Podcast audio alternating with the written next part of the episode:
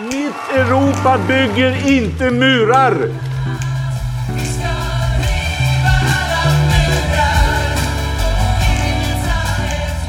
Syftet med de åtgärder som vi nu presenterar är att skapa ett andrum för svenskt flyktingmottagande. Mycket av det som regeringen sa igår ställer ju oss vi positiva till och vi tror också att en del av det kan dämpa trycket. Men vi är fortfarande oroliga för att det inte kommer att vara tillräckligt. Snälla, gör inte det här. Splittra inte familjer. Utsätt inte människor för ännu större risker.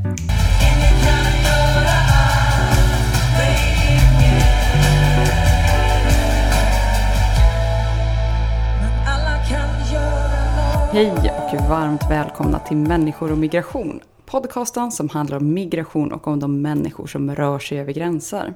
Jag som pratar nu, jag heter Maja Dahl och jag är kommunikationsansvarig här på Arena Idé som ger ut den här podcasten. Och idag så ska vi prata om Socialdemokraternas partikongress.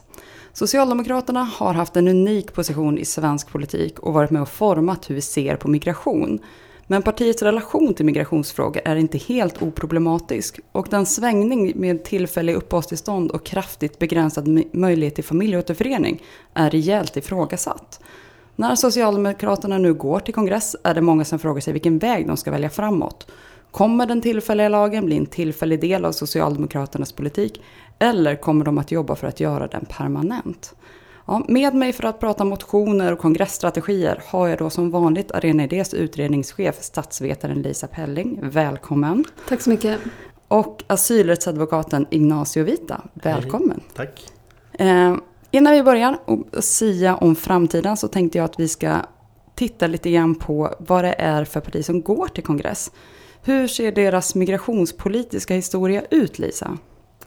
Ja, det är ju en, en historia som, bygg, som bjuder på ganska många paradoxer kan man säga. Socialdemokraterna har ju som du nämnde i inledningen suttit vid makten i Sverige under så många år att den i mångt och mycket har varit med om många olika faser i sätt att se på på migrationen. Så ena sidan var, var, var det en socialdemokrat som var statsminister i den samlingsregering under andra världskriget som eh, bad de tyska myndigheterna att stämpla ett rött J i passet eh, hos de eh, judar som, som ansökte om pass för att man vid gränsen till Sverige skulle kunna skilja ut judiska Eh, flyktingar från, eh, från andra. Eh, å andra sidan var det många socialdemokrater som, som personligen var engagerade i de vita bussarna som sen evakuerade människor från, från koncentrationslägren i, i, i, krigets slutskede. Och det är ett parti som under åren efter andra världskriget var med om att driva fram en arbetskraftsinvandringspolitik som med den tidens mått och kanske fortfarande i mångt och mycket var progressiv i det att man inte såg på arbetskraftsinvandring som någonting som människor kunde göra som en slags insatsvara. In och jobba ett tag och sen ut igen när det inte längre behövs utan man ville ge människor möjlighet att faktiskt också bli medborgare. Eh, medlemmar i facket var kanske det, det viktigaste då, att man, skulle, man ville att den arbetskraft som invandrade till oss från Grekland, från Jugoslavien, så småningom från andra delar också skulle eh, uppfatta sig som en del av samhället, bli medlemmar i facket, ha en möjlighet till, till medborgarskap. När eh, invandringen blev mer präglad av asylinvandringen under 70-talet. Det är en myt att arbetskraftsinvandringen upphörde helt och hållet i början på 70-talet. Den reglerades annorlunda men den upphörde inte utan fortsatte under hela tiden.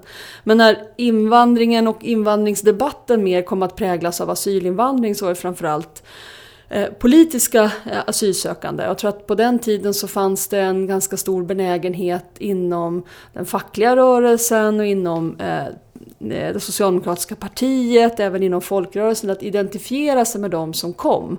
Man såg på de unga studenter som flydde från diktaturen i Chile, som flydde undan militärjuntorna i Argentina, som potentiella partimedlemmar, som kamrater i kampen i någon mån och hade, hade liksom en, en syn på att det här var personer som, som så att säga var, det var angeläget att ge att ge uppehållstillstånd och ge, ge skydd. Sen har ju, har ju skyddet förändrats med, med tid och, och en större andel av de som söker skydd i Sverige har blivit människor som flyr inte från eh, den typen av eh, politiskt förtryck utan också från eh, utbredda krig. Människor som flydde undan eh, militär, eh, in undan eh, eh, tvångsinskrivning i arméerna i, i eh, det långa kriget mellan Irak och Iran till exempel. Kurder som hotades av etnisk rensning och, och eh, under, under slutet av 80-talet, början av 90-talet i Saddam Husseins eh, Irak till exempel. Delvis nya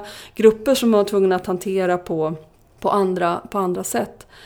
Ska man väl säga att, att Socialdemokraterna också under de senaste två årtiondena har varit med om den rörelse som har skett från att regeringen hade det yttersta ansvaret för individuella fall.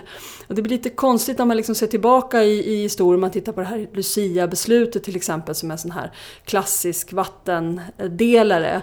Kan, kan ja. du bara kort förklara, så här, vad är Lucia-beslutet? För det är, det är ett begrepp som återkommer när man pratar just om socialdemokrater och migrationspolitik. Men vad innebär egentligen det? Ja, det, det handlar om att eh, människor av turkisk ska man säga turkisk härkomst, turkiskspråkiga eh, människor i Bulgarien eh, eh, eh, blev allt mer liksom, förtryckta under den, under den bulgariska stalinistiska liksom, kommunistiska regimen som, som fanns då och i allt större antal eh, sökte asyl i Europa, bland annat i Sverige. Och när man såg att de här antalen eh, ökade väldigt snabbt så tog man ett eh, ett väldigt dramatiskt beslut. På den tiden så låg det i regeringen att fatta den typen av beslut. Att från och med nu ska vi bedöma Bulgarien-turkar som eh, icke så att säga, att de inte kan få eh, uppehållstillstånd. Eh, och det tog man på Lucia-dagen då 1984. Och, och, och sen har man eh, sett vad jag skulle kunna liksom beskriva som en juridifiering. Först flyttar man eh, migrations och invandringsbesluten från ett enskilt statsråd, en liksom invandrarminister i regeringen, till att i högre grad avgöras av Migrationsverket eller Invandrarverket och eh, Utlänningsnämnden som det hette då. Men då var Utlänningsnämnden fortfarande också, bestod den också av folkvalda politiker som, som så att säga utsågs att, att vara med och fälla eh, avgörandet till den stora eh, reformen som flyttade över hela eh, ansvar, eller säga hela besluten över migrationspolitiken över enskilda asylärenden till eh, domstolsväsendet. Som gör att, att dagens migrationsminister har en mycket mindre möjlighet, för att inte säga obefintlig möjlighet att agera i, i enskilda fall. Så det har ju också så att säga, funnits med, den, den, den utvecklingen. Mm. Eh, och jag tänker så här, när, när, man pratar just om Socialdemokraterna och migrationsfrågor så har, känns det ju som att i och med att det är ett parti som har funnits så länge vid makten med olika, på olika sätt så gör ju det att det finns inte en grupp som inte har någon form av relation kopplat till just Socialdemokraterna och migrationsfrågor. Antingen på ett positivt sätt, som man kan se liksom att chilenarna har väldigt starka känslor för Palmes parti fortfarande. Man, mm. Den gruppen som kom så, sånt som man kan se att också när det kommer till Palme, att eh, romer mm. som blev utvisade eh, liksom av samma minister. Ja. Eh, så det finns ju väldigt många starka känslor kopplat till Socialdemokraterna och migrationsfrågor. Men nu mm. senast så är det liksom också hösten 2015 som ligger liksom som nutida del mm. av deras historia. Mm. Eh, hur, vad skulle du säga, liksom, på vilket sätt går man nu till kongress? Ja. Jag skulle säga om man ska vara lite liksom krass, lika lite som man kan säga om EU, att EU liksom har någon slags tradition av att vilja välkomna flyktingar. Man ska inte bli förvånad över att EU har en restriktiv politik. EU har aldrig haft en rörelse mot att vara mer välkomnande mot människor som söker skydd. På samma sätt ska man liksom inte inbilla sig att det socialdemokratiska partiet liksom har en lång tradition av att ständigt vidga, utvidga asylrätten automatiskt. Det här har hela tiden varit en, en kamp och den här kampen har ibland krönts med framgång och den har framförallt förts av de som nu också är tongivande inför kongressen, av kvinnoförbundet, av ungdomsförbundet SSU, av det som tidigare hette Broderskap, det som nu är Socialdemokrater för tro och solidaritet. Det har hela tiden varit en, liksom en, en, en, en värderingsbaserad eh, kamp. Ibland har den förts mellan eh, liksom ideologiska positioner, framförallt kanske i de här som kallas organisationer, ungdomsförbundet, eh, kvinnoförbundet eh, och eh, personer som upplevt att de har behövt vara mer pragmatiska på kommunal nivå. andra gånger har det skett mellan personer inom den fackliga rörelsen och personer inom, inom partiet. Men det har hela tiden varit en, en, en kamp. Mm. Jag tänker också att, att, eh, just begreppet effektivitet är någonting som är väldigt, eh, inbillar mig i alla fall, väldigt närvarande i liksom den socialdemokratiska välfärdsstaten och alltid varit det. Och till exempel den här juridifieringen när det gick över från för, alltså till domstolssystemet så argumenterade ju socialdemokratin väldigt mycket i, i att det skulle bli snabbare beslut, de skulle bli eh, något mer rättssäkra men, men framförallt var det effektiviteten som man betonade. Och nå, någonstans så, så, upplever jag i alla fall att socialdemokratin väldigt ofta har en relation till väldigt många frågor utifrån ett effektivitetsperspektiv och utifrån något slags nationell suveränitet. Att, att hela den socialdemokratiska modellen och välfärdsstaten förutsätter en, en stat som faktiskt bestämmer i ganska hög utsträckning. Samtidigt som vi har sett en utveckling där den nationella suveräniteten, i vart fall i det juridiska regelverket, har blivit mindre och mindre och individens rättsskydd har blivit starkare och starkare, vilket också är resultatet av juridifieringen. Mm. Och, och jag tycker att mycket av liksom socialdemokratins relation till migration speglas av just den här konflikten mellan individens rättsskydd och någon slags välfärdsstatens eh, rätt att få existera och, och hur det ska existera. Och det här effektivitetsperspektivet är ju också någonting som var väldigt närvarande vid när man gick ifrån tillfälliga uppehållstillstånd till permanent uppehållstillstånd. Det huvudsakliga skälet till att man gjorde det var ju att det var resurslöseri att ha människor med tillfälliga uppehållstillstånd. Mm. Så det är en ganska, alltså det är väldigt lite av ett principiellt förhållningssätt till migration, ett rättighetsperspektiv, utan mycket mer av ett effektivitetsperspektiv. Mm. mm. Och, och, det tycker jag är också väldigt tydligt under hösten 2015, hur, hur, hur de argument... Och vilket, alltså, det förklarar kanske lite också hur socialdemokratin kan vända på det där otroligt snabba sättet utan någon större, eh, visst det var viss intern kritik, men, men ändå förhållandevis lite med tanke på den enorma omsvängning som vi ändå har sett.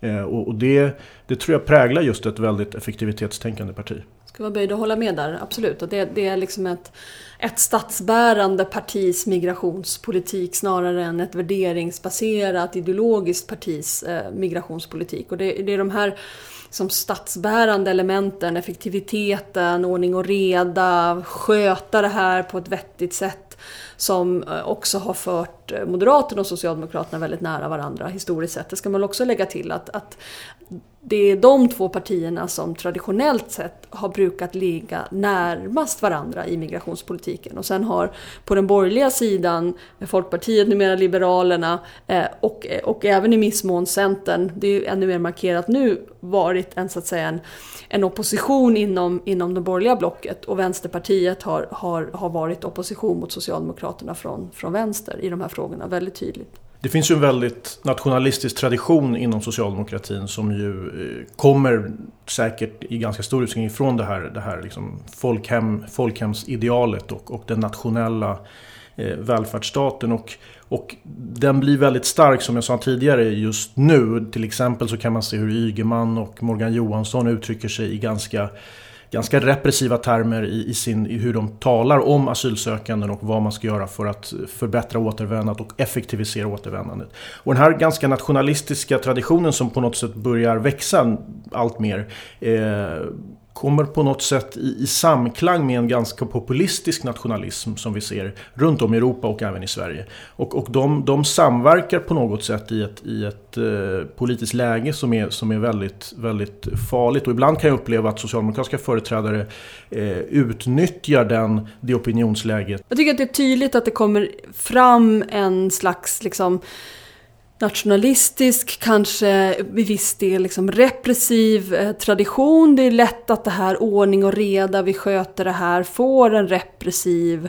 eh, slagsida. Och att, att en del av de politiker som är aktiva i debatten nu, eh, vår inrikesminister och migrationsminister, ibland också vår statsminister, med tal om svenska värderingar, lite obetänksamt eh, liksom utnyttjar de stämningar som råder nu. Utan att kanske fundera på om de själva själva med sitt repressiva språkbruk, med sina eh, eh, förslag riskerar att förstärka de här stämningarna. Alltså förstärka ropet på mer repression, på mer auktoritet, på mer eh, ordning och reda på, på ett liksom repressivt sätt. Jag tänkte ändå att vi skulle gå tillbaka till, till den här kongressen och eh, vad det är för parti som går dit. Lisa, du sa att eh, de, eh, de förändringar som har skett migrationspolitiskt inom Socialdemokraterna när de har värnat asylrätten, när man öppnat upp mer, kommer ofta från grupper inom Socialdemokraterna förvisso, men som eh, Socialdemokraternas kvinnoförbund eller från SSU, att det är grupperingar där inom mm. som har varit med och liksom skjutit fram de här. Nu när vi kommer till kongressen, finns de här grupperna här och hur ser ombuden ut? Hur ser grupperingarna ut på själva kongressen nu? Mm. Jag tror att, att vi i den här frågan har att se fram emot en otroligt polariserad kongress. Alltså jag tror att verkligen att migrationsfrågorna, eh, särskilt när det gäller asylfrågorna, kommer att vara en, en viktig konfliktlinje på kongressen. För det finns å ena sidan är väldigt många av dem som är ombud brukar traditionellt sett vara eh, kommunalråd.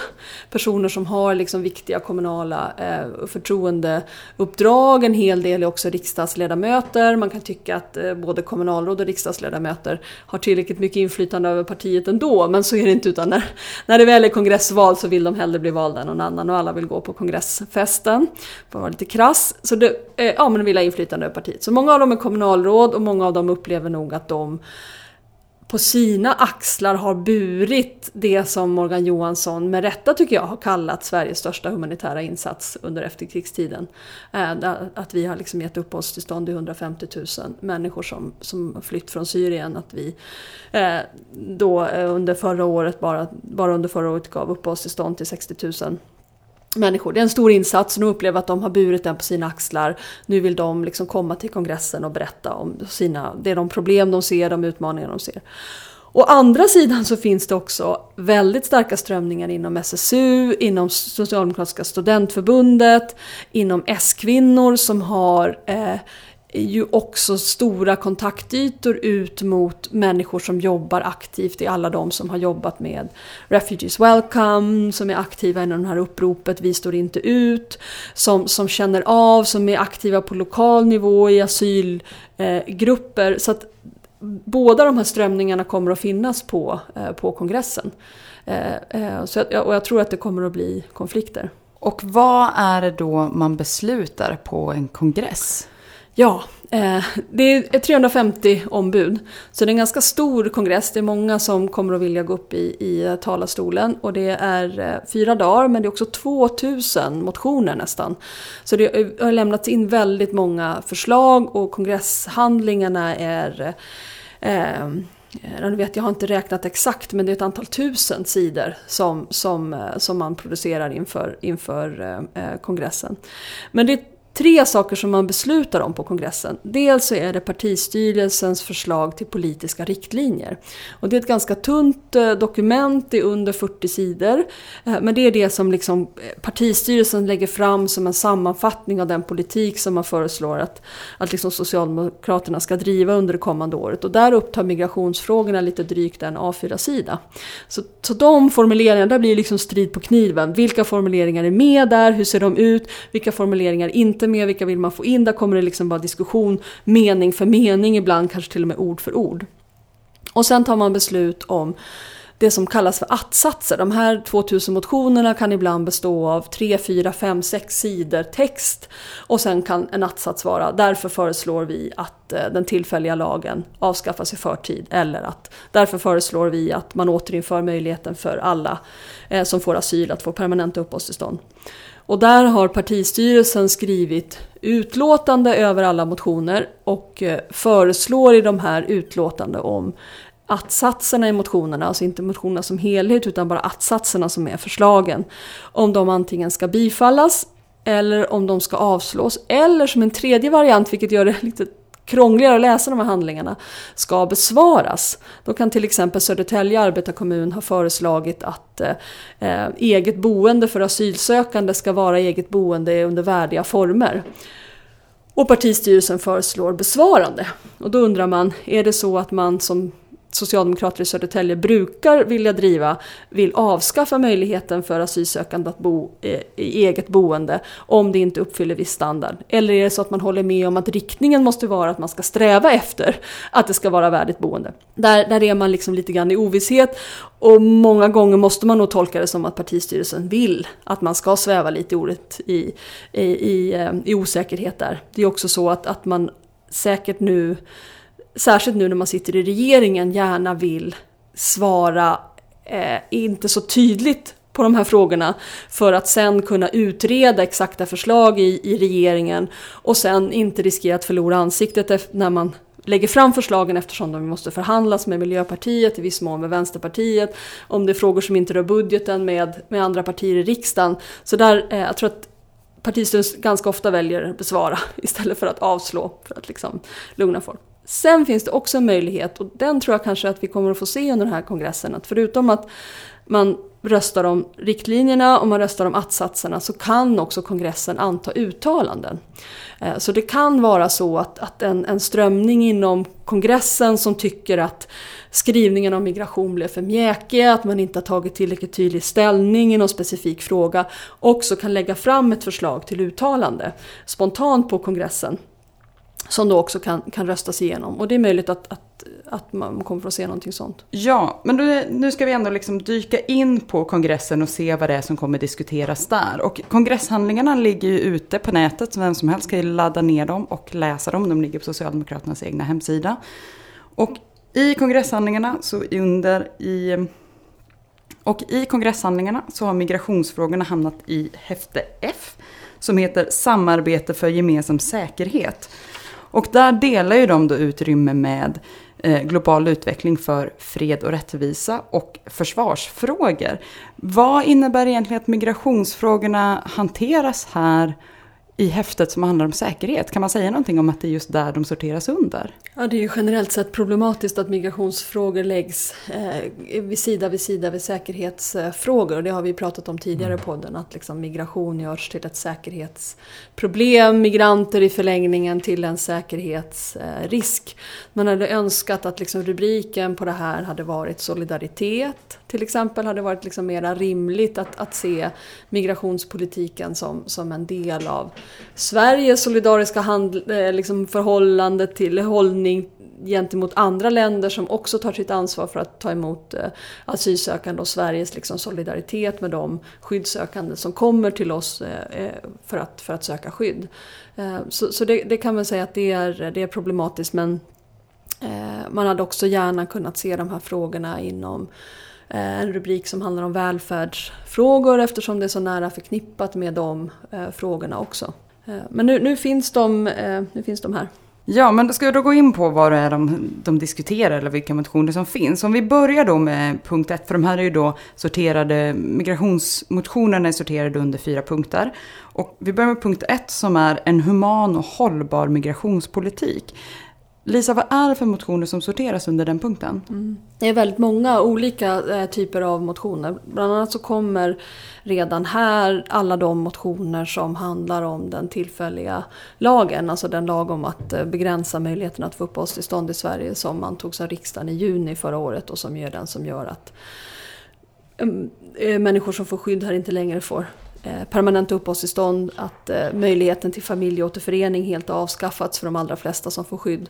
Och, och de som får rätt till familjeåterförening eh, nästan alltid måste uppfylla väldigt stränga, för att inte säga omöjliga, försörjningskrav. Så de, de finns här. Det här första avsnittet så är det ett hundratal olika attsatser och förslag. Men det är bara två attsatser av alla de som har lagts fram under den här rubriken som får bifall av partistyrelsen.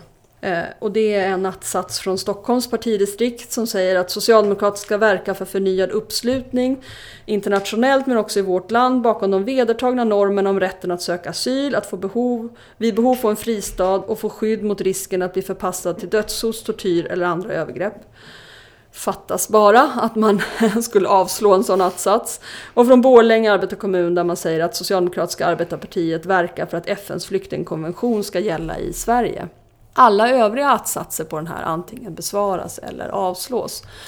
och vi skulle behöva prata i flera timmar, kanske till och med gå på Socialdemokraternas kongress för att liksom prata om alla detaljer. Men när jag läser igenom så slås jag av eh, ett konstaterande som återkommer i riktlinjerna som finns här i utlåtandet som återkommer flera gånger också i argumentationen och det är den här Sverige ska stå upp för FNs flyktingkonvention, människor har rätt att söka asyl, men och det här är stora männet, man har inte rätt att välja var man söker asyl.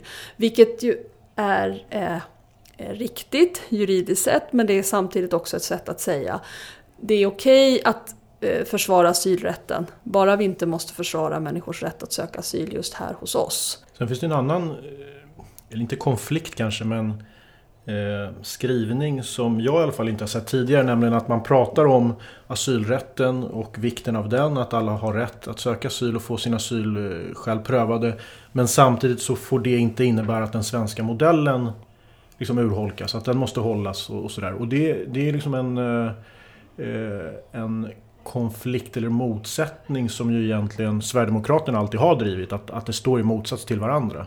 Medan även om det inte sägs direkt och uttryckligen så, så signalerar det ju ändå att, att även socialdemokratin har börjat anamma den, den konfliktdimensionen. Att, att en, en Eh, att respektera asylrätten eh, och ha eh, motsvarande den politik som, förut, som man förut hade är, är ett hot mot, mot liksom den svenska modellen. Jag vet inte om det kanske är en för hård läsning av, av det men, men, men den, den, börjar ju smyga sig på att, att du har liksom båda de aspekterna i samma stycke. Mm. Ja, det är uppenbarligen att, att partistyrelsen upplever att man måste ta i från tårna här. Alltså att, att i samma mening som man nämner asylrätten så måste man också drämma i med, men det innebär inte att människor har rätt att välja var man söker eh, asyl.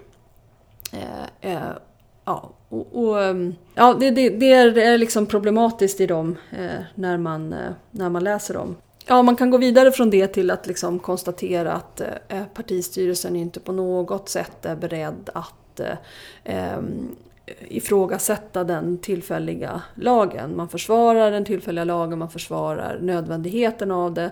De motionärer som kräver att det ska ske förändringar i dem, att man ska lätta på möjligheten att återförenas med sin familj, att man ska eh, mm, återinföra flera av de skyddsgrunder som togs bort i den tillfälliga lagen, till exempel möjligheten att få skydd som, som övrigt skyddsbehövande eller av särskilt eller synnerligen ömmande skäl. De, de avslås eh, rakt av. Man, formulerade det som att eh, eh de, de, de var helt eh, eh, nödvändiga. Utan dessa åtgärder skulle asylmottagningen ha brutit samman. Inte någon analys av hur det sammanlagda läget i Europa påverkade antalet människor som hade möjlighet att ta sig fram till Sveriges gräns för att söka asyl. Och det här är någonting som vi kommer återkomma till och som förhoppningsvis forskningen återkommer till också. Vad var det i den politiska förändring som skedde i slutet av 2015 som gjorde att antalet asylsökande minskade så kraftigt. Det gjorde det.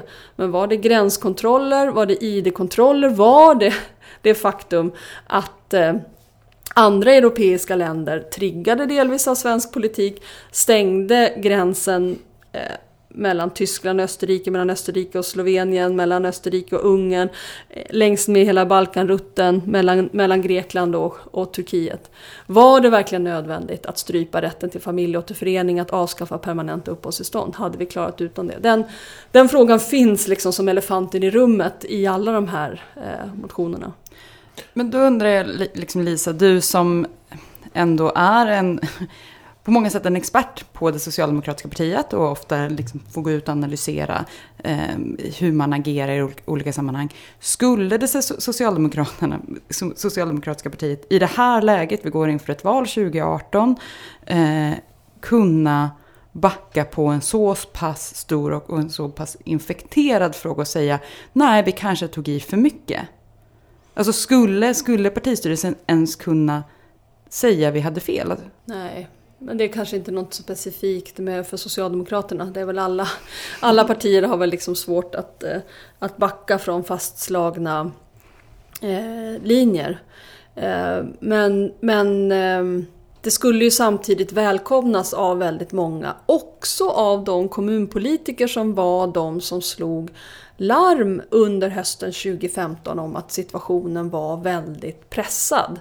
Om att de inte kunde få fram tillräckligt mycket boenden, om att de oroade sig över att många av dem som, som sökte skydd var ensamkommande. Eh, barn som kräver mycket resurser, som kräver mycket liksom, resurser både ekonomiskt men också eh, eh personellt, som nu ser att konsekvenserna av den tillfälliga lagen är att det är mycket svårare att hantera situationen än hade varit annars.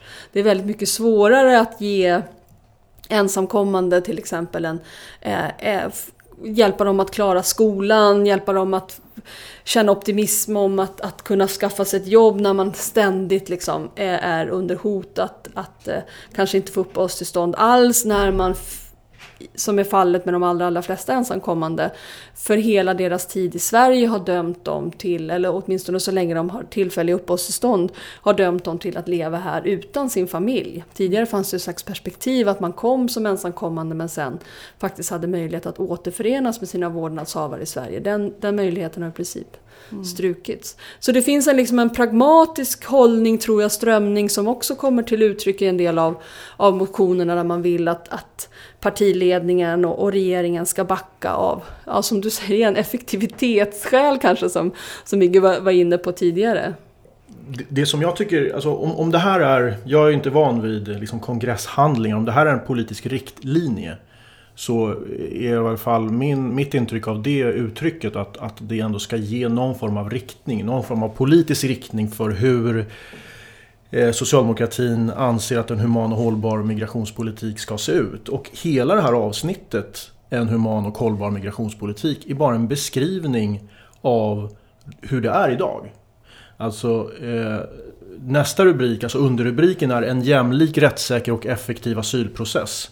Och där går man bara igenom helt enkelt hur själva asylprocessen ser ut. Sen kommer vi till att att det, finns, det är viktigt att det finns ett genusperspektiv på asylprövning men man föreslår ingen ny riktning i det utan bara hänvisar till de riktlinjer som Migrationsverket har tagit fram. När man talar om barns särskilda rättigheter så måste man faktiskt tolka den här riktlinjen som att de är fullt fullt tillvaratagna i den svenska asylprocessen. Vilket ju rimmar väldigt illa med den rapport till exempel som Barnombudsmannen släppte bara för några dagar sedan om, om ganska stora problem vid Migrationsverkets bedömningar av, av barns asylskäl.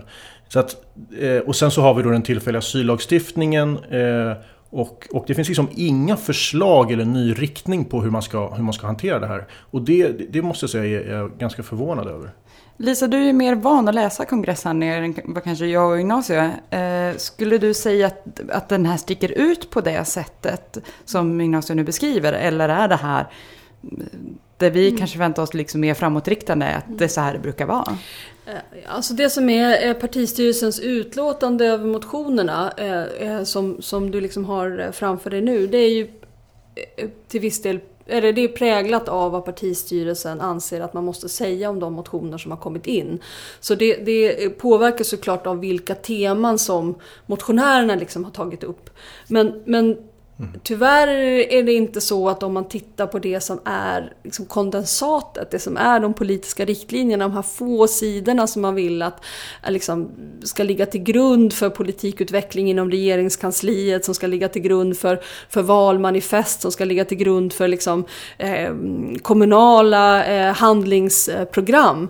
Där är migrationsfrågorna hanterade, tycker jag, på samma sätt. Den beskrivning som du ger när du, när du beskriver hur man hanterar de inkomna motionerna funktionerna är ungefär samma som man ger när man hanterar dem i politiska riktlinjer. Det vill säga riktlinjerna är också en beskrivning av dagens eh, läge mycket mer än det är en, en framåtsyftande, visionär liksom, eh, eh, politik.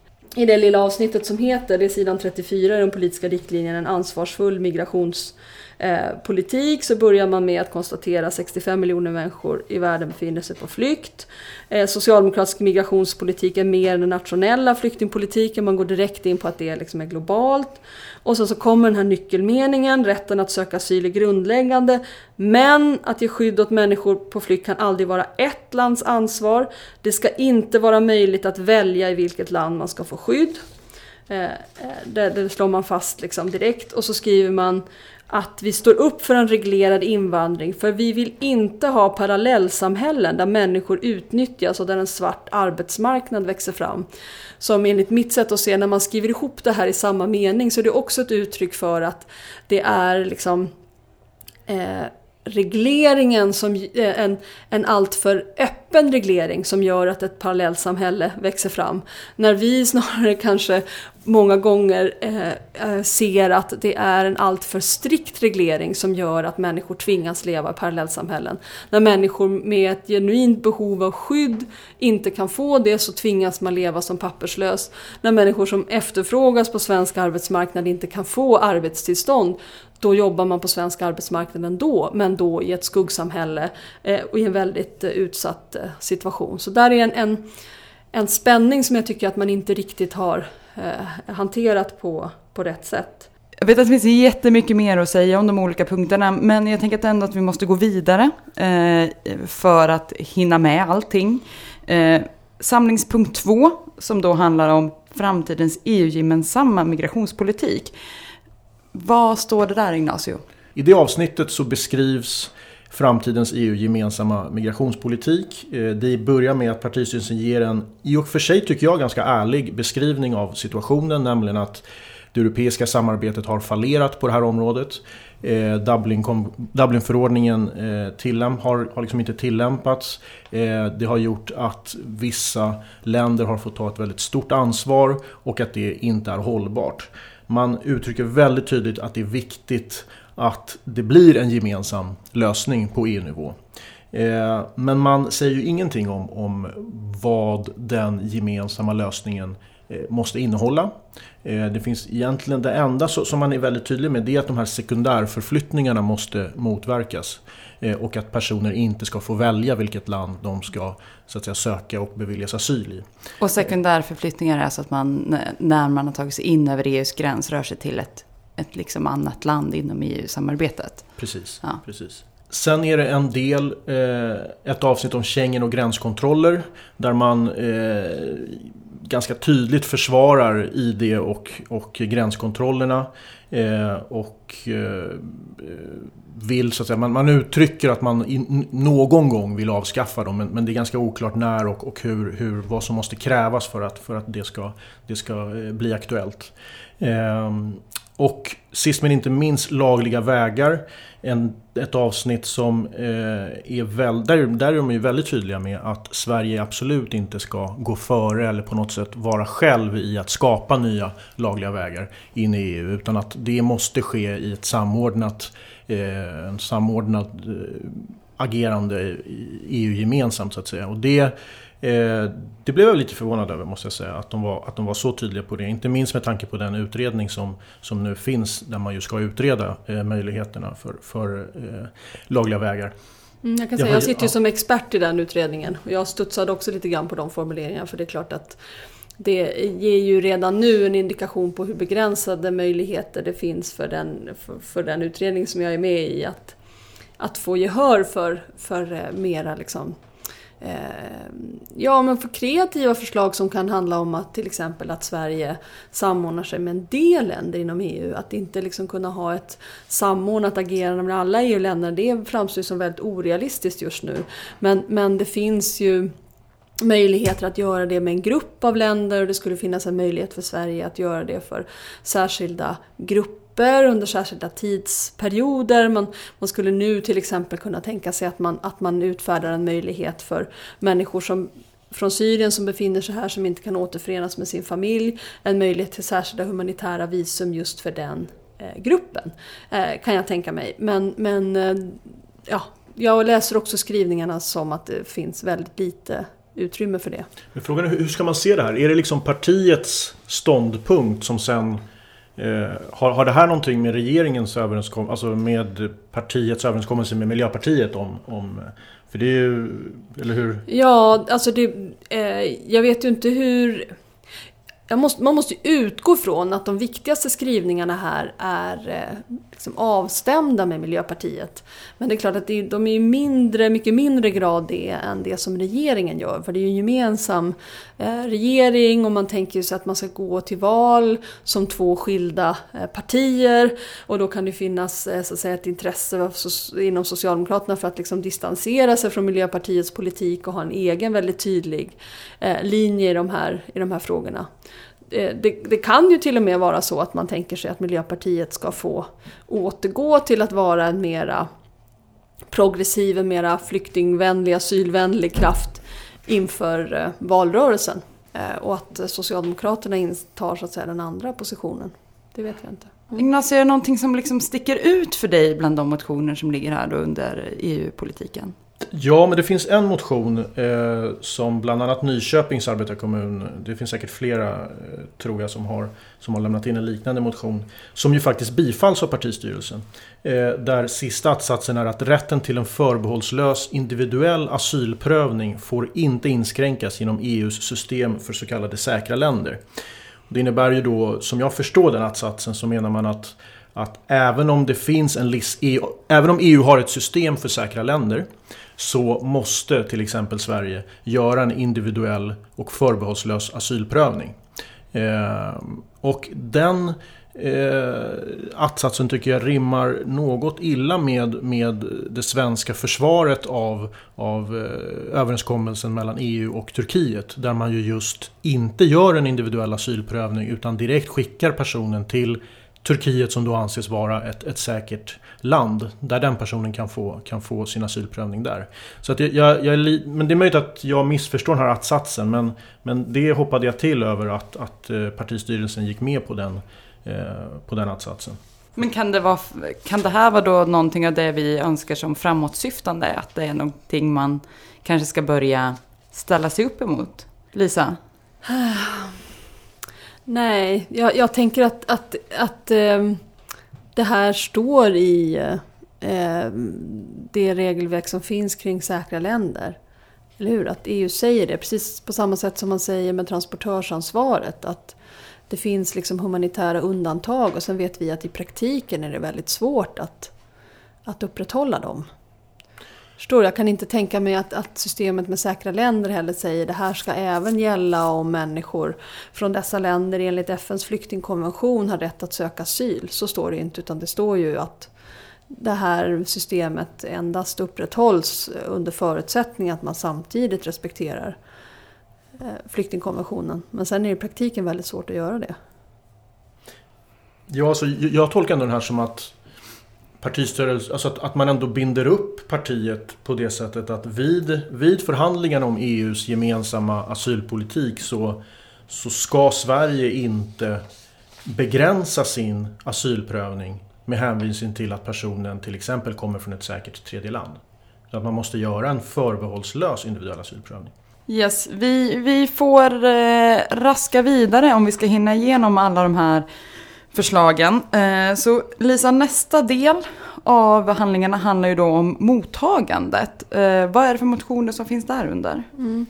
Ja, det är några frågor som jag har reagerat över. En, en sån stor fråga för kommunerna som förmodligen engagerar många av kommunalråden som är där i hur man ska ordna bostäder till asylsökande och eh, nyanlända. Och det är också en helt avgörande strategisk fråga för om Sverige ska kunna vara ett öppet land på sikt. Om, man, om vi liksom klarar av den typen av situation som var hösten 2015 även i framtiden och kanske på ett ännu bättre sätt så måste man titta på det här med bostadsbyggandet och möjligheten för Migrationsverket till exempel att äga eh, egna lägenheter. Där, där tycker jag att, att man inte är särskilt liksom, eh, framåtsyftande.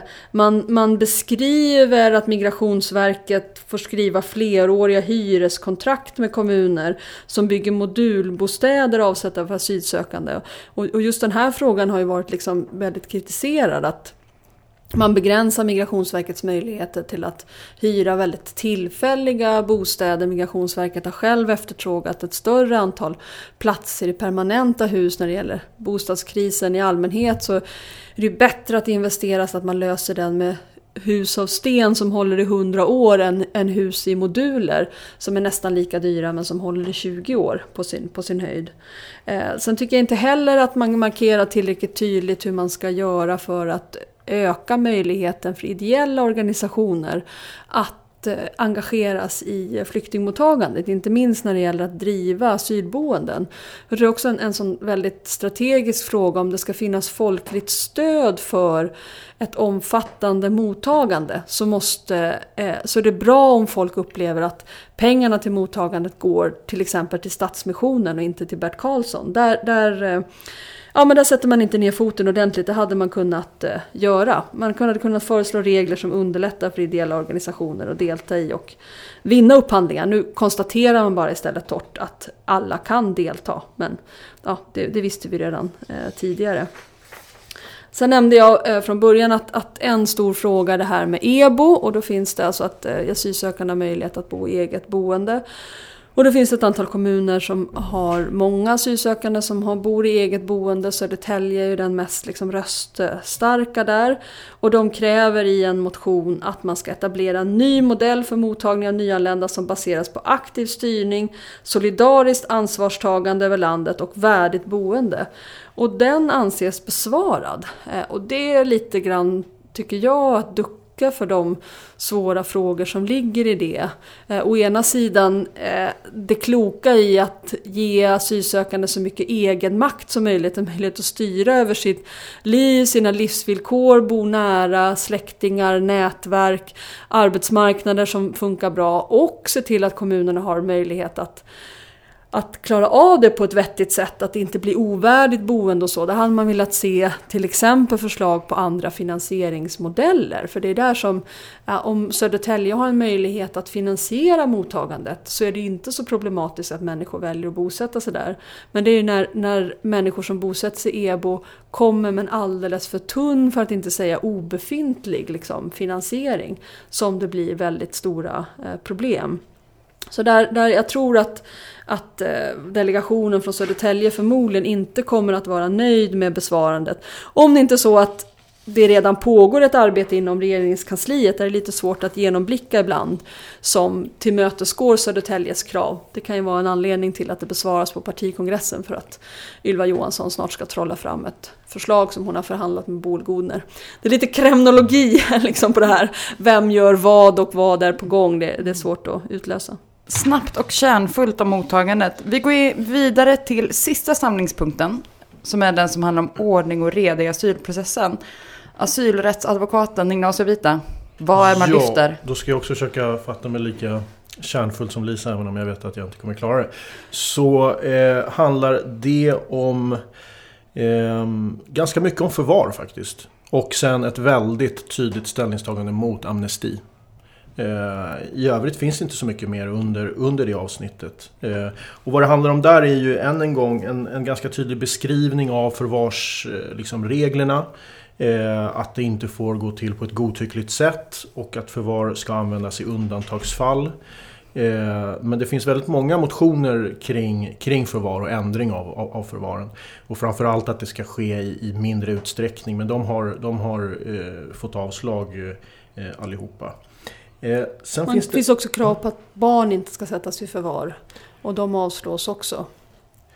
Ja, eh, precis. Eh, att det bara ska ske vid liksom, ganska extrema, extrema situationer och alltid tillsammans med, med vårdnadshavaren. Mm. Eh, men precis, inget absolut förbud mot, mot det. Ehm, trots att Barnrättskommittén och Barnombudsmannen anser att det bör införas ett sånt, ett sånt eh, totalt, totalt förbud. Då. Jag ska bara kolla om det finns någonting mer. Hur kan man då säga att en sån, ett sånt eh, avslående eller avslag eh, rimmar med att det här är samma parti som har gått, gått ut med att man vill göra barnkonventionen till svensk lag? Alltså, här är ju partiet jättetydlig om att, eh, att barnkonventionen blir svensk lag kommer inte att påverka migrationspolitiken överhuvudtaget. In, så att de, de är ju Jag tycker att de uttrycker sig som att den beaktas redan som det är idag. Den beaktas vid beslut om förvar, den beaktas vid asylprövningen och det finns ingen anledning att egentligen eh, göra några som helst förändringar eh, i någon del för att, för att vara förenlig med, med barnkonventionen. Men kan, kan man se det så? Alltså, stämmer det antagandet utifrån? Nej, det, jag, jag, anser att man inte kan göra det och, och, vi var lite inne på det tidigare. Barnombudsmannen har nu kommit fram med en rapport som visar på ganska stora brister i Migrationsverkets hantering av barnspecifika asylskäl. Vi har barnrättskommittén som har eh, gett råd till Sverige att ta in barnspecifika asylskäl i lagstiftningen för att säkerställa att de verkligen utreds och bedöms eh, ordentligt. Eh, så att, så att eh, jag tycker att det finns klara indikationer på att eh, det finns problem inom inom det migrationsrättsliga området när det gäller barnkonventionen och den utredning som föreslår att, att den här barnkonventionen ska inkorporeras. Den, alltså bli svensk lag, den tar just upp migrationsområdet som ett särskilt område där, där det finns problem i tillämpningen av till exempel principen om barnets bästa. men ja, så att eh, men en, en sak som jag hoppade till på när det gäller ehm, eh, en motion som, eh, som ansågs besvarad. Det är en motion från Karlskrona, bland annat arbetarkommun, som, som, som säger så här att Socialdemokraterna ska verka för att uppehållstillstånd som huvudregel vid ny prövning efter fyra år ska beviljas ifall beslut om av eller utvisning under denna period inte kunnat verkställas och under förutsättning att den sökande inte undanhållit sig eller aktivt försvårat verkställighet. Samt att Socialdemokraterna ska verka för att den så kallade udda rekvisitet vid tillämpningen av humanitära tillståndsgrunden synnerligen ömmande omständigheter avskaffas. Men det är framförallt den första delen som ju är väldigt intressant för det är ju en förändring av, av dagens situation. Det de menar är ju att har man fått ett utvisningsbeslut så gäller det i fyra år. Och om man inte har kunnat verkställas under de fyra åren, alltså det har inte gått att göra, genomföra en utvisning under de fyra åren, då har man ju rätt att söka på nytt, söka asyl igen. Och då menar de att vid den, vid den nya eh, tillfället då man söker asyl, då ska huvudregeln vara att man ska få permanent upp, eller att man ska få tillstånd, uppehållstillstånd, om det är så att man inte har försökt motverka en utvisning. Så där tänker vi till exempel de marockanska gatubarnen som man har pratat om ganska mycket. Till exempel. Där, skulle, där skulle de falla in under? Ja, jag, jag, jag blir väldigt förvånad över att partistyrelsen anser att den här är besvarad, alltså den är inte avslagen. Jag vet inte, vad, jag vet inte riktigt vad som menas med när, när de säger att den har besvarats. Om det är så att den inte behöver avslås för att ja. innehållet... Statsvetaren. Eh, ja, precis. Alltså det, det, det, det, är oftast att man besvarar med hänvisning till, sitt, eh, till utlåtandet. Att man i utlåtandet så att säga skriver hur man vill ha det och då tycker man inte att man bör inte avslå den för att man inte är helt emot. Men man vill inte heller bifalla för det är inte liksom någonting som man man är helt och hållet för. Men det, det är en liten av en ventil liksom, där man eh, kan undvika att ta ställning tydligt. Så är det ju.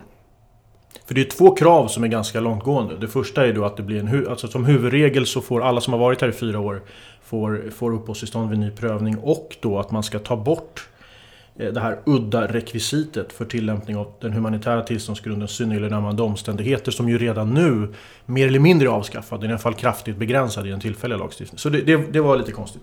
Generellt om det här området, ordning och reda i asylprocessen, så är det väldigt tydligt att, att det inte heller i det här avsnittet ges någon riktning för hur man vill till exempel åtgärda frågor kring rättssäkerheten inom asylprövning. Alltså det vi har sett nu är en kraftig ökning av antalet asylsökande.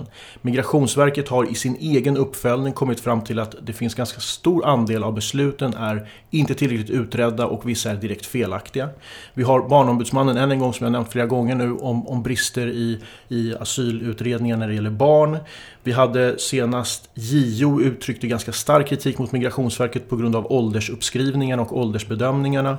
Alltså vi har en mängd olika rättssäkerhetsproblem som präglar asylprocessen just nu utan att partistyrelsen egentligen nämner dem överhuvudtaget. Man talar om att man ska ha en rättssäker asylprocess men det finns liksom ingen riktning för vilka rättssäkerhetsproblem tycker man är viktiga, vilka vill man prioritera utan det är mer en, en beskrivning av förvarsfrågan eh, och det kanske har i och för sig att göra med att det inte har kommit så många motioner rörande det. Mm. Vilket är en, eh, ett, ett liksom, eh, en sån sammanfattande synpunkt som jag har. Nämligen mm. att, att det finns ett problem i vilka motioner som faktiskt har skrivits. Så att de, de rör sig inom, inom vissa väldigt specifika områden.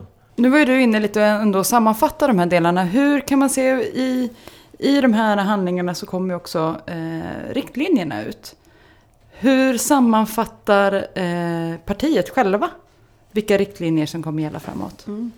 Ja, riktlinjerna är ju liksom kärnan i det som kongressen har att eh, besluta om. Det, det partistyrelsen håller i pennan från första meningen till den sista och man sammanfattar det som är liksom den politiska riktningen och det blir väldigt problematiskt för partistyrelsen att anta till exempel ett valmanifest som på avgörande sätt skiljer sig från de här riktlinjerna. Det här är liksom partiets högsta beslutande organ som lägger fast eh, riktlinjerna.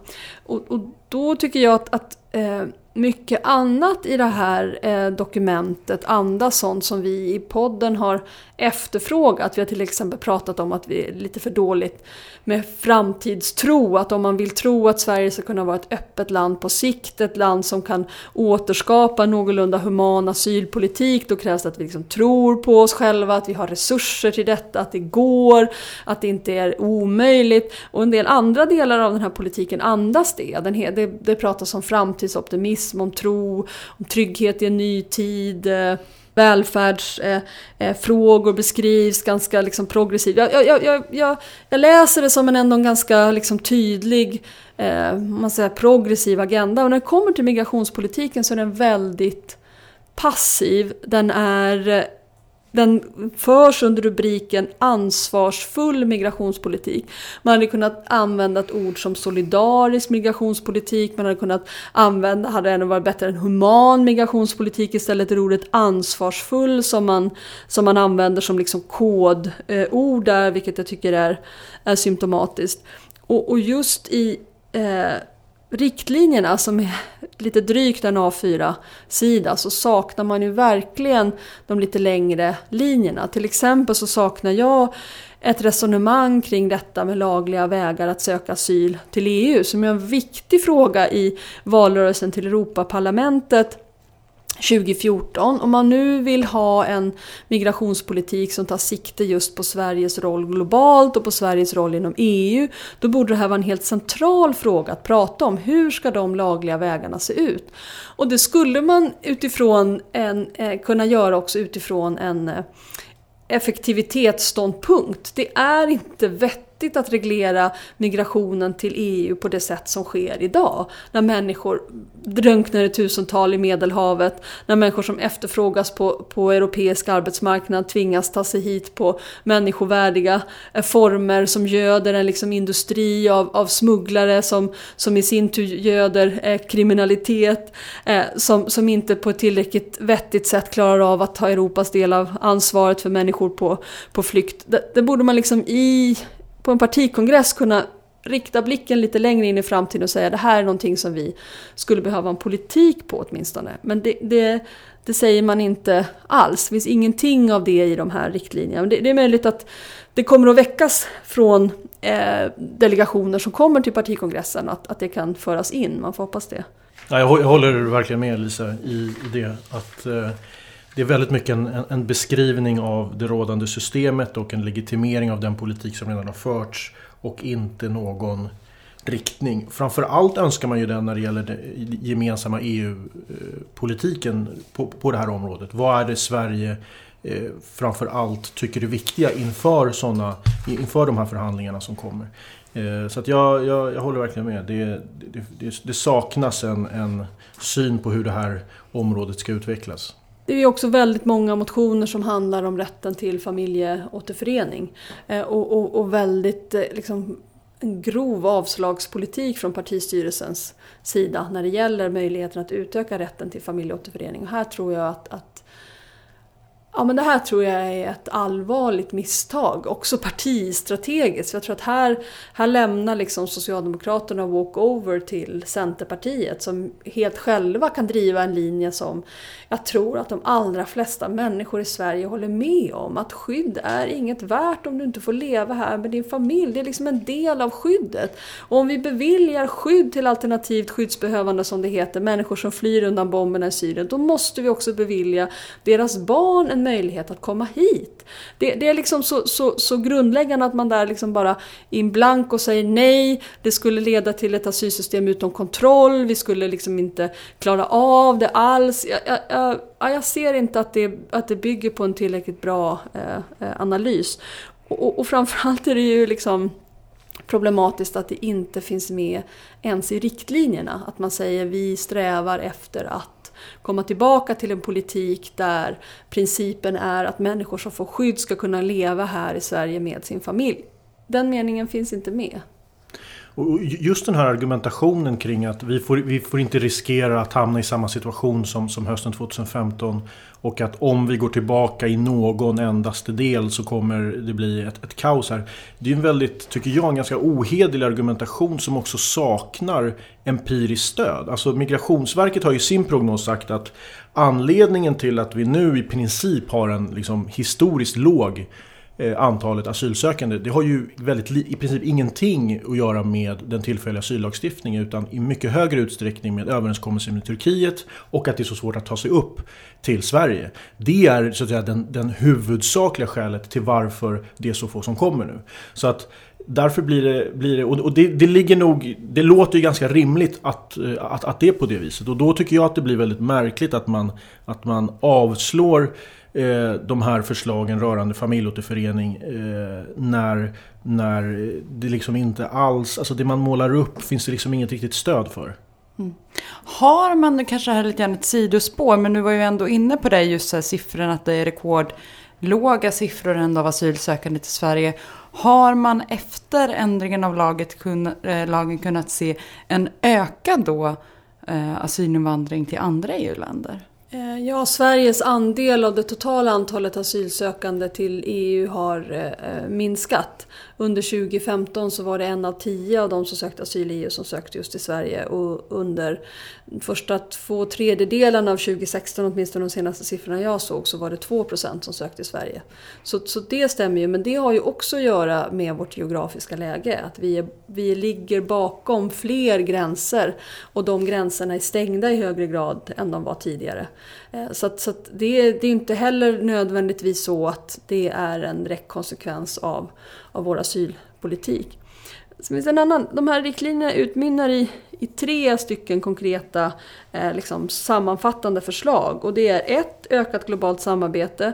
Två, delat ansvar i EU. Och tre, ordning och reda i svensk flyktingpolitik. Och då kan man tycka att om man väljer liksom, delat ansvar i EU som en av tre prioriterade frågor. Då vill man gärna att den EU-politiken ska lite mer utvecklad än den är idag. Till exempel så tar man inte upp eh, konsekvenserna av att principen inom EU är på väg att gå från att vara ett gemensamt golv, det vill säga en gemensam minimistandard för mottagande, asylprocess, eh, tillståndsgrunder till att bli ett tak. Det är oerhört problematiskt för Sverige, jag använder ordet problematiskt lite för många gånger. Det, det, det, är eh, svårt för Sverige att hantera en sån situation där länder som är väldigt mycket mer restriktiva, väldigt mycket mer repressiva, med ett sånt system ju tillåts sätta tonen. Eh, en, det är en annan sak för Sverige att anpassa sig till en miniminivå som man kanske inte tycker är, är eh, tillräckligt bra men själva kunna gå före och att nu behöva anpassa sig till ett tak som sätts alldeles för lågt. Mm.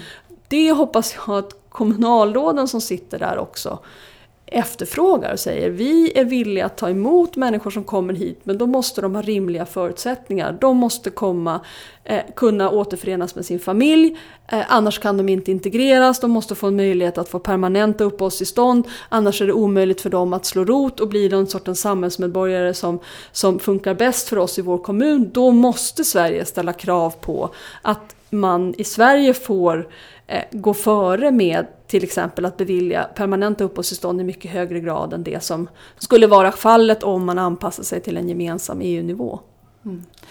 Det börjar tyvärr bli dags att runda av här. Vi har hållit på lite längre än vad vi brukar göra, men det är också ett väldigt tjock lunta vi har tagit oss igenom. En sista fråga ändå, så vill jag att ni blickar lite grann eh, framåt. Vi har gått igenom och pratat om motionerna, vi har pratat om ja, men konsekvenser och möjligheter för vad som kan gå igenom faktiskt nu på kongressen. Men finns det något i detta? Vi har varit ganska negativa i det vi har konstaterat hittills. Finns det något hopp? Kan man se någonting utifrån den här kongressen som gör ändå utifrån eh, liksom ett migrationsrättsligt och asylrättsligt perspektiv känns hoppfullt? Jag kan inte se det sådär på rak arm. Eh, just för att, eller det är, det är varken hoppfullt eller in, det, är, det är ett ganska intetsägande dokument tycker jag. Som, som än en gång, jag har sagt det tusen gånger, framförallt är en beskrivning utan några politiska ambitioner, utan någon närmare analys, utan några tydliga prioriteringar. Och det gör att det blir, det, det blir, alltså intrycket man får är ju att socialdemokratin inte vill ta den här frågan överhuvudtaget. Utan de vill bara fortsätta med det här och, och målar upp någon slags katastrofbild om man inte gör på det här sättet. Eh, och eh, det jag tycker eh, det pratade vi faktiskt om på Almedalen, kommer jag ihåg. Det jag tycker saknas i motionerna eh, handlar ju ganska mycket om någon slags materiell migrationspolitik. Alltså det vi ser nu, den tillfälliga lagen har ju varit väldigt negativ eh, och har minskat möjligheten att få uppehållstillstånd. Men parallellt med den utvecklingen så ser vi ju också en utveckling där rättssäkerheten och de processuella rättigheterna som asylsökande har, barns specifika rättigheter, kvinnors specifika rättigheter vid asylprövningen, urholkas allt mer. Genom att eh, regeringen ställer ganska höga krav på Migrationsverket att fatta så många beslut som möjligt. Man har anställt väldigt många nya människor. Utredningstiderna går ner. Eh, och kvaliteten på besluten blir allt sämre. Och den, de frågorna adresseras inte tycker jag av motionärerna. Eh, och heller inte av politiken i stort. Det handlar inte bara om socialdemokratin. Jag tycker att väldigt många politiska företrädare fokuserar väldigt mycket på de formella som i och för sig är viktiga om, om uppehållstillståndens längd och rätten till familjeåterförening. Men vi har också en asylprocess som pågår just nu som, som får allt fler problem. Och det är någonting som jag tror måste börja adresseras även på politisk nivå. Och där man behöver prioritera vilka rättssäkerhetsproblem vill vi angripa? Hur ska vi se på relationen mellan effektivitet och rättssäkerhet? Och det, eh, den, den dynamiken och den diskussionen saknar jag. Lisa? Jag, jag, jag, vill återkomma till det här med att jag saknar visioner för EU-politiken. Jag, när jag läser skrivningar, jag kanske är djupt liksom orättvis, men jag tänker mig att de är väldigt mycket påverkade av de svenska liksom, tjänstemännens resor till Bryssel. Där sitter de liksom, timme ut och timme in, dag ut och dag in, månad efter månad och förhandlar med regeringsrepresentanter från Ungern, från Polen de vill inte att den socialdemokratiskt styrda regeringen ska ge dem uppdrag att förhandla saker som de uppfattar är helt orealistiska. De vill inte göra bort sig att ha en slags naiv syn på, på migrationspolitik. Samtidigt så är det ju liksom, om inte Sverige har en framåtsyftande eh, värderingsbaserad syn på Europas möjligheter att ge människor på flykt ett skydd här, vem ska ha det då? Vem ska driva den linjen? Om vi lägger oss platt liksom från början början. Och ja, i liksom regeringens instruktioner till hur tjänstemän ska förhandla i Bryssel. Okej, okay, jag har inte så stora liksom, förväntningar där. Men i det liksom, socialdemokratiska partiets kongress, där vill jag se ett liksom, ställningstagande som till exempel handlar om att man tar ställning för att EU inte ska ha ett tak för vad man får göra, utan ett golv som man ska sikta på att på sikt höja. Inte ta ställning för att säga att det är idag orealistiskt att ha fler lagliga vägar utan vår vision är att vi ska öppna fler lagliga vägar för människor att få både skydd och en möjlighet att arbeta i, i Europa. Det, det är liksom rimliga krav tycker jag som man kan ställa på en EU-politik som presenteras på en kongress. Men eh, den finns inte där nu. Men det kan ju hända att, jag hoppas det, att enskilda eh, kongressombud och hela delegationer kommer att kräva det och att de här riktlinjerna ser annorlunda ut när kongressen är över då den 12 april. Med det sagt så avslutar vi dagens avsnitt. Eh, tusen tack Lisa Pelling och Inosio Vita för att ni tog er tid att läsa igenom den här luntan och förklara det för mig och lyssnarna. Du som lyssnar, om du har kommentarer eller frågor på dagens avsnitt så får du jättegärna antingen twittra det eller mejla det till oss eller skriv det på vår Facebook-wall. Du hittar oss på människor och migration på Facebook och på Twitter hittar du oss på arenaidé.